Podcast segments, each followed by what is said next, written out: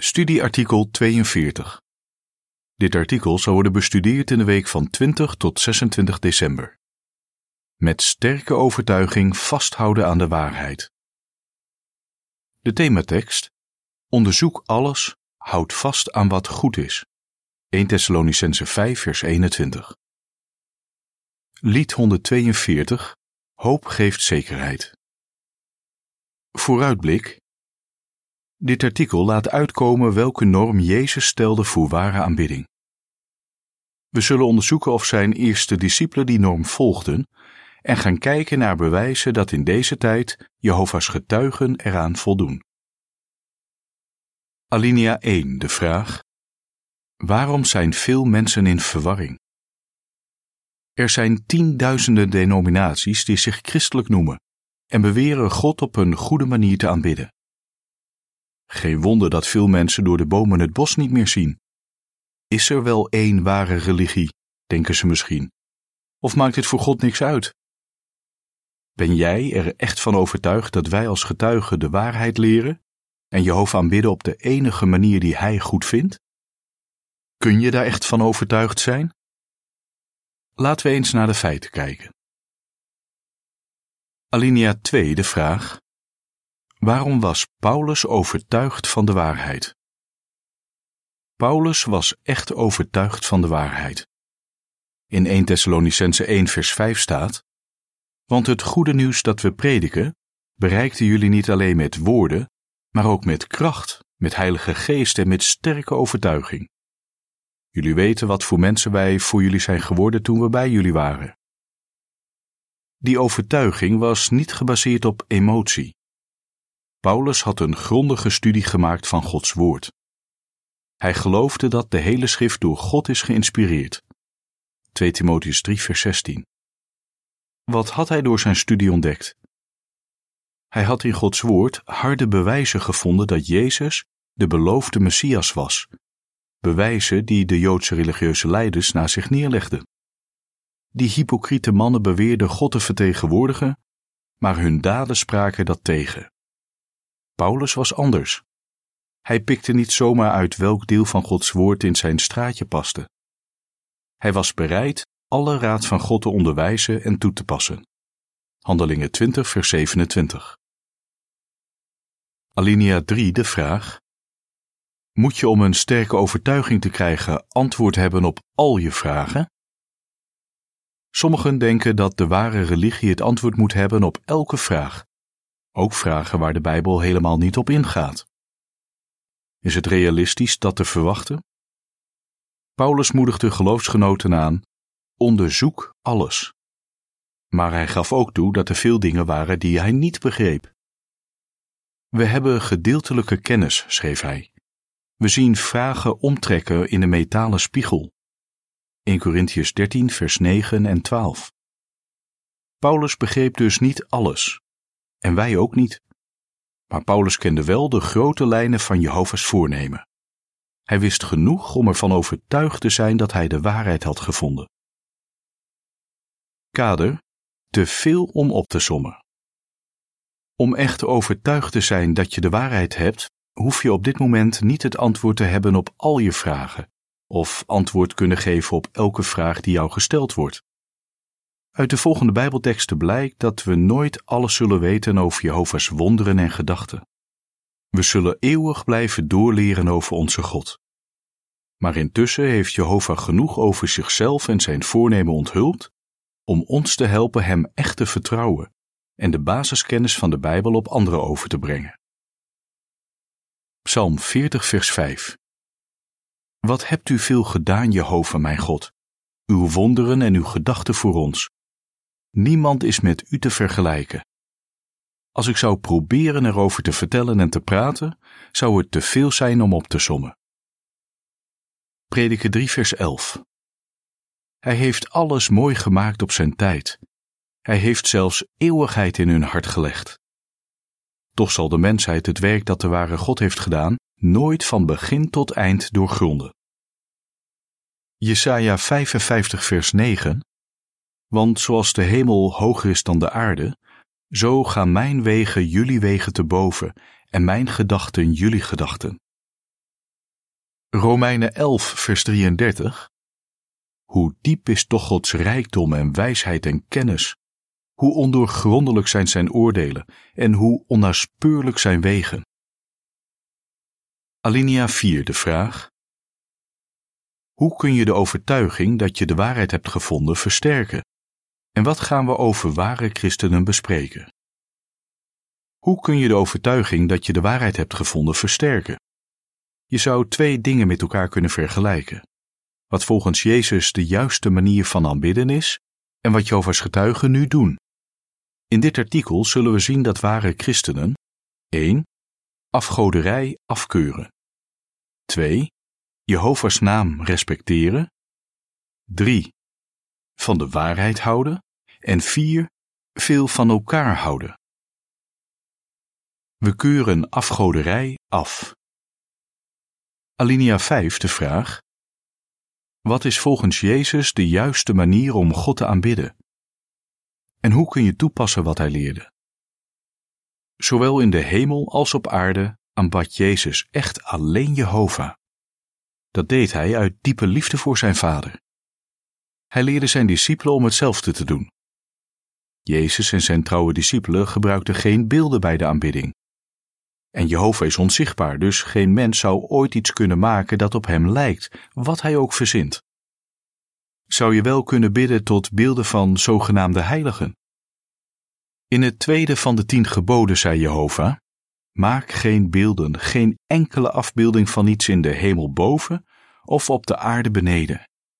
Buig je er niet voor neer. Exodus 20, vers 4 en 5. Voor wie Gods wil proberen te doen, zijn die woorden overduidelijk.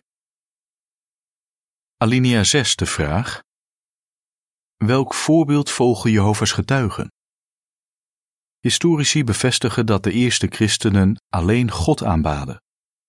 In de naslagwerk wordt gezegd dat ze alleen al bij het idee van beelden in een godshuis vol afgrijzen zouden hebben gekeken. History of the Christian Church, Jovers getuigen volgen het voorbeeld van de eerste christenen. We bidden niet tot beelden van heiligen of engelen. We bidden zelfs niet tot Jezus. En we doen niets dat zou neerkomen op aanbidding van nationale symbolen. Wat er ook gebeurt, we zijn vastbesloten ons te houden aan wat Jezus zei: Jehovah, je God moet je aanbidden. Matthäus 4, vers 10. Alinea 7, de vraag: Welke duidelijke verschillen zijn er tussen Jehovah's getuigen en andere religies? Tegenwoordig volgen veel mensen bepaalde charismatische kerkleiders. De bewondering voor zulke predikanten grenst aan verafgoding. Hun kerken stromen vol, hun boeken vinden gretig aftrek en ze halen veel geld op voor de doelen die ze promoten. Mensen hangen aan hun lippen. Ze zijn nog meer in extase dan wanneer Jezus persoonlijk aan ze zou verschijnen. In tegenstelling daarmee volgen ware aanbidders van Jehovah geen mensen. We hebben respect voor degenen die de leiding nemen, maar we accepteren de duidelijke woorden van Jezus: Jullie zijn allemaal broeders. Matthäus 23, vers 8 tot 10. We adoreren geen mensen, of het nu religieuze of politieke leiders zijn, en we staan niet achter hun doelen. We blijven juist neutraal en zijn geen deel van de wereld. Op die terreinen zijn we opvallend anders dan de vele groepen die beweren christelijk te zijn. We respecteren Jehovah's naam. Alinea 8, de vraag: Hoe weten we dat Jehovah wil dat we zijn naam verheerlijken en overal bekendmaken? Jezus bad: Vader, verheerlijk uw naam. Toen Jehovah daar zelf met een luide stem uit de hemel op reageerde, beloofde hij zijn naam te verheerlijken. Johannes 12, vers 28. Tijdens zijn hele bediening verheerlijkte Jezus de naam van zijn Vader. Je mag dus logischerwijs verwachten dat ware christenen Gods naam vol trots gebruiken en aan anderen bekendmaken. Alinea 9, de vraag. Hoe bewezen de christenen in de eerste eeuw dat ze Gods naam respecteerden? Kort na de oprichting van de christelijke gemeente richtte God voor het eerst zijn aandacht op de heidenen om uit hen een volk voor zijn naam te vormen. Handelingen 15, vers 14. Die christenen waren er trots op Gods naam te gebruiken en aan anderen bekend te maken. Ze gebruikten hem in hun dienst en in hun geschriften. Ze bewezen echt een volk voor Gods naam te zijn. Alinea 10 de vraag: Welke bewijzen zijn er dat Jehovah's getuigen een volk voor Gods naam zijn? Zijn Jehovah's getuigen een volk voor Gods naam? Wat zeggen de feiten? Veel kerkleiders hebben alles gedaan wat in hun macht ligt om te verdoezelen dat God een naam heeft. Ze hebben die naam uit hun Bijbelvertalingen gehaald en staan zelfs niet toe dat die tijdens diensten wordt gebruikt. De voetnoot luidt: In 2008 gaf Paus Benedictus XVI bijvoorbeeld opdracht Gods naam tijdens kerkdiensten niet te gebruiken of uit te spreken in gezangen en gebeden. Einde voetnoot. Het mag duidelijk zijn dat alleen Jehovah's getuigen de naam Jehovah het respect geven dat hij verdient. Geen enkele groepering geeft overal zoveel bekendheid aan Gods naam. Als getuigen van Jehovah doen we echt ons uiterste best om onze naam eer aan te doen. We hebben meer dan 240 miljoen exemplaren van de Nieuwe Wereldvertaling geproduceerd, waarin Jehovah's naam is gebruikt op plekken waar andere vertalingen hem weglaten. En we produceren Bijbelse publicaties met Jehovah's naam in meer dan duizend talen. Beschrijving van de afbeelding bij alinea 8 tot 10. Jehovah's organisatie heeft in meer dan 200 talen de Nieuwe Wereldvertaling uitgegeven, zodat mensen in hun eigen taal een Bijbel kunnen lezen waarin Gods naam staat. Het bijschrift bij deze afbeelding luidt: Ware christenen vertellen anderen vol trots over Jehovah. We houden van de waarheid. Alinea 11 de vraag: Hoe lieten de eerste christenen zien dat ze van de waarheid hielden? Jezus hield van de waarheid, dat wil zeggen, de waarheid over God en zijn voornemen. Hij leefde ernaar en maakte die aan anderen bekend. Ook Jezus' ware volgelingen hielden veel van de waarheid. Petrus noemde het christelijke geloof zelfs de weg van de waarheid. 2 Petrus 2 vers 2. De eerste christenen verwierpen uit liefde voor de waarheid alle overtuigingen, culturele tradities en persoonlijke meningen die ervan afweken. Ook nu proberen ware christenen de weg van de waarheid te blijven volgen door hun opvattingen en hun manier van leven uitsluitend op Jehovah's woord te baseren. 3 Johannes 3 en 4 Alinea 12, de vraag wat gebeurt er als degenen die de leiding nemen beseffen dat ons begrip moet worden opgehelderd? En waarom? Jehovah's getuigen beweren niet dat ze alles weten en de waarheid volledig begrijpen. Soms hebben ze op leerstellig en organisatorisch gebied fouten gemaakt. Dat is ook niet zo vreemd. De Bijbel laat zien dat nauwkeurige kennis zou toenemen met het verstrijken van de tijd. Jehovah onthult de waarheid geleidelijk en we moeten bereid zijn geduldig te wachten tot het licht van de waarheid helderder wordt. Als degenen die de leiding nemen beseffen dat ons begrip op een bepaald punt opgehelderd moet worden, veranderen ze dat meteen. Veel denominaties veranderen dingen om het hun eigen aanhang naar de zin te maken of de buitenwereld een plezier te doen. Maar de veranderingen in Jehovah's organisaties zijn bedoeld om ons dichter bij God te brengen en dichter bij de norm die Jezus voor aanbidding stelde. We passen dingen aan vanwege een beter begrip van de Bijbel en niet om aan te sluiten bij moderne stromingen of de algemene opinie. We houden van de waarheid. We houden veel van elkaar. Alinea 13 de vraag: Wat is de belangrijkste eigenschap van ware christenen? En waaruit blijkt dat die onder Jovers getuigen bestaat? Van alle eigenschappen die de christenen in de eerste eeuw zo typeerden, was liefde de belangrijkste. Jezus zei: Hierdoor zal iedereen weten dat jullie mijn discipelen zijn, als jullie liefde voor elkaar hebben. Johannes 13, vers 34 en 35.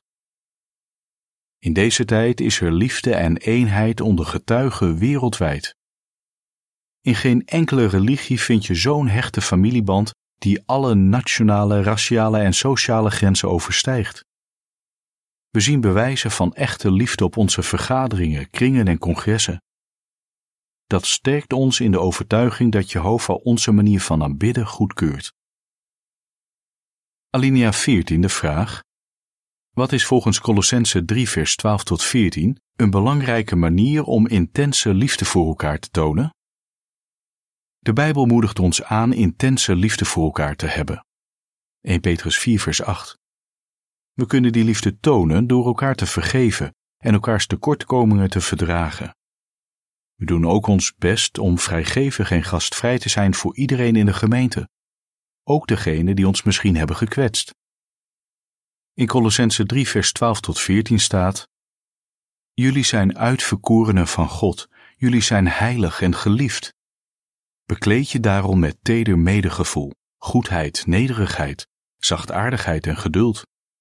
Blijf elkaar verdragen en elkaar van harte vergeven, ook als iemand een reden heeft om over een ander te klagen. Zoals Jehovah jullie van harte vergeven heeft, zo moeten jullie vergeven. En bekleed je bij dat alles met liefde, want liefde is een volmaakte band van eenheid. Zo'n band van liefde is echt het belangrijkste kenmerk van ware christenen. Eén geloof. Alinea 15 de vraag. Op welke andere terreinen volgen we het voorbeeld van de christenen in de eerste eeuw? Ook op andere terreinen volgen we het voorbeeld van de christenen in de eerste eeuw. De structuur van onze organisatie bijvoorbeeld, met reizende opzieners, ouderlingen en dienaren, is een afspiegeling van wat de apostelen in de eerste eeuw instelden. En hetzelfde geldt voor onze kijk op seks en het huwelijk, ons respect voor de heiligheid van bloed en onze wens om de gemeente te beschermen tegen zondaars die geen berouw hebben. Alinea 16 de vraag. Wat laten de woorden in Efesius 4 vers 4 tot 6 uitkomen? Jezus zei dat velen zouden beweren zijn discipelen te zijn, maar ze zouden niet allemaal even oprecht zijn. Verder waarschuwt de Bijbel dat in de laatste dagen veel mensen alleen een schijn van vroomheid zouden hebben. 2 Timotheus 3 vers 1 en 5. Toch maakt de Bijbel ook duidelijk dat er één geloof is dat God goedkeurt. In Efesius 4 vers 4 tot 6 staat: Er is één lichaam en één geest, zoals jullie werden geroepen tot de ene hoop van jullie roeping, één Heer, één geloof, één doop, één God en Vader van allen, die boven allen en door allen en in allen is. Alinea 17, de vraag. Wie volgen in deze tijd Jezus na en hebben het ene ware geloof?